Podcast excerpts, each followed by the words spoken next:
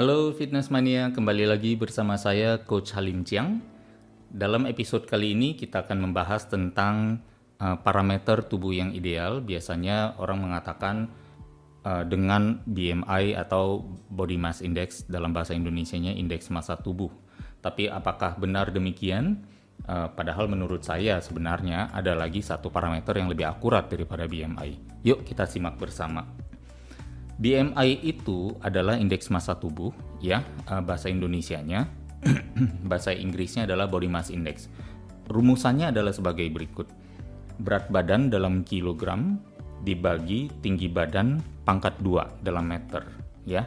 Dan hasilnya akan uh, menentukan sebenarnya kita ideal atau tidak. Selama ini uh, patokan ini sering dipakai oleh dunia medis untuk menentukan seseorang apakah kelebihan berat badan, kurang berat badan, atau ideal. Patokannya adalah kira-kira seperti ini ya.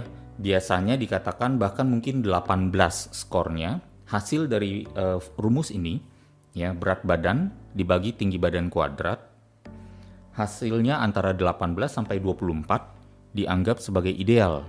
Di bawah 18 berarti dianggap underweight atau kekurangan berat badan di atas 18 uh, di atas 24 sudah mulai dianggap overweight ya. Uh, di atas 26 atau 20 27 bahkan sudah dianggap obesitas gitu. Tetapi uh, ada keterbatasan di sini. Kita bahas dulu deh BMI-nya. Padahal uh, cukup sederhana ya. Misalnya contoh apabila fitness mania ada yang tingginya 1,6 meter ya Berarti rentang idealnya adalah antara 48,6 kg sampai ke 61,4. Saya beri color coding di sini ada yang pink dan hijau. Yang pink ini mungkin lebih dekat ke uh, wanita, sementara yang hijau mungkin lebih dekat ke pria. Tepat, tetapi pada dasarnya pria wanita uh, masih sama lebih kurang patokannya di antara 19 sampai 24. Uh, kalau kita melihat begini, mungkin jadi pertanyaan juga, uh, kok bisa sih ini tidak dianggap ideal? Nah, ini saya akan coba bahas solusinya. Ada yang lebih akurat dari yang BMI ini, yaitu yang namanya body fat, kadar lemak yang lebih akurat. Mengukur kadar lemak akan membantu kita untuk mendapatkan indikasi kesehatan yang lebih baik. Karena apa? Kadar lemak kita sudah menemukan siapa pun yang memiliki kadar lemak lebih rendah di tubuhnya akan memiliki level kesehatan dan kebugaran yang lebih baik. Sementara yang kadar lemaknya lebih tinggi, biasanya justru akan dekat dengan banyak penyakit-penyakit degeneratif yang menjadi komorbiditas dari uh, salah satu penyakit menular yang populer saat ini gitu. Jadi sangat jelas bahwa achievementnya yang perlu kita cari adalah menurunkan kadar lemak di dalam tubuh. Nah, berapa lemak yang ideal? Berdasarkan uh, ini American Council on Exercise average itu rata-rata bagi pria adalah 18 sampai 24 persen, sementara bagi wanita adalah 25 sampai 31 persen. Fitness atau yang sudah mulai bugar ya lebih rendah lagi yaitu adalah 14 sampai 70, 17 persen bagi pria dan bagi wanita 21 sampai 24 persen. Kalau untuk atlet ya antara 6 sampai 13 persen untuk pria bagi wanita adalah 14 sampai 20. Jadi if you have a goal untuk menurunkan uh, berat badan dalam hal ini adalah kadar lemak, lebih baik fokus bukan di BMI, tapi fokus ada di kadar lemak tubuh. Kita di berat berapapun, apabila terutama ya, misalnya di sini kita ambil contoh, uh, apabila memiliki body mass index seorang wanita memiliki body mass index di 20 ya. Di 20 tingginya 160 cm, dia memiliki body mass index 51,2 kg. Ya, tetapi uh, dengan kadar lemak misalnya di fitness 24%, alangkah kerennya, alangkah bagusnya fisiknya bisa seperti itu. Tetapi banyak nggak wanita misalnya di Indonesia dengan kondisi seperti ini 1,6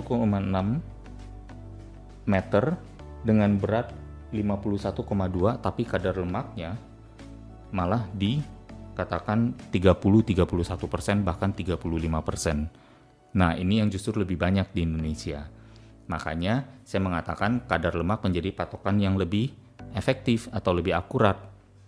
Nah, kendala dengan uh, eh, BMI atau indeks massa tubuh ini adalah apa? Ya ini justru dua orang dengan tinggi dan berat badan yang sama, ya, padahal memiliki kadar lemak yang berbeda, akan dianggap memiliki level kesehatan dan level fisik yang sama, gitu. Padahal kita tahu, misalnya, contoh aja ya, kita mengambil contoh seorang uh, sahabat kita semua di sini, ya, uh, Mas Aderai dengan tinggi 183 dan berat badan misalnya sekarang di 95 kilo, maka mungkin kalau kita hitung berdasarkan berat badan dibagi tinggi badan kuadrat, 2, uh, 8, 95 kilo dibagi 1,83 kali 1,83. Coba ambil kalkulatornya dan kita hitung kira-kira dapat berapa.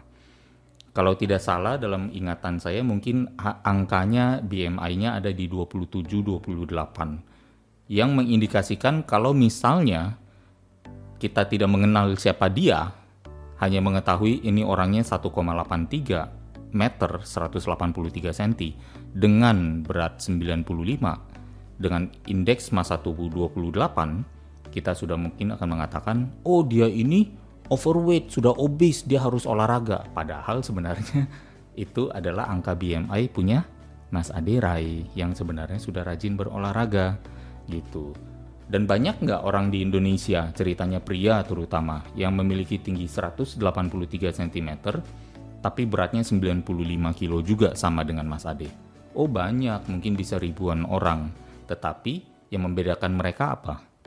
Komposisi lemaknya Mas Ade lah yang Mas Ade Railah yang memiliki komposisi lemak yang lebih rendah di tubuhnya.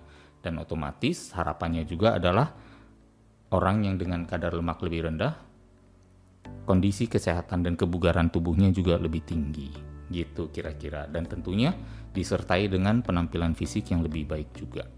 Ya, jadi kira-kira demikianlah penjelasan tentang uh, perbedaan antara body mass index atau indeks massa tubuh dengan komposisi kadar lemak dan apabila teman-teman fitness mania ingin menggabungkan keduanya dari dua tabel tersebut juga boleh gitu ya. Jadi tidak ada salahnya untuk menggabungkan keduanya.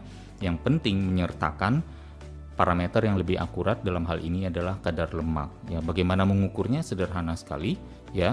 Uh, sekarang ada timbangan yang sudah di, berhubung, dihubungkan dengan aplikasi dan bahkan ke smartwatch juga ya timbangan smartwatch dan aplikasi di HP sudah saling terkoneksi dan harganya sudah sudah uh, sangat terjangkau dengan tingkat akurasi yang cukup baik.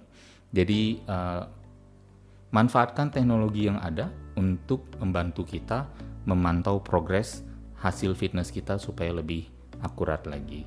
Demikian dari saya, terima kasih sudah menyimak. Uh, apabila dirasakan bermanfaat, silakan di-share ke teman-teman yang lain.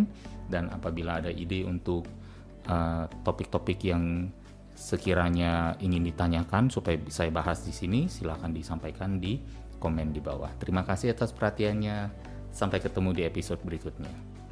Ya, teman-teman, terima kasih sudah menyaksikan video saya di Coach Halim Chiang. Apabila menyukai videonya, jangan lupa like atau jangan lupa juga subscribe. Bahkan mungkin share ke teman-teman lainnya. Semoga bermanfaat adanya. Dan jika ada komentar atau mungkin usulan topik-topik yang ingin saya bahas, silakan ditulis uh, di komentar. Nanti akan saya coba pertimbangkan untuk saya masukkan ke dalam uh, video-video selanjutnya. Terima kasih atas perhatiannya. Stay tune dan stay healthy.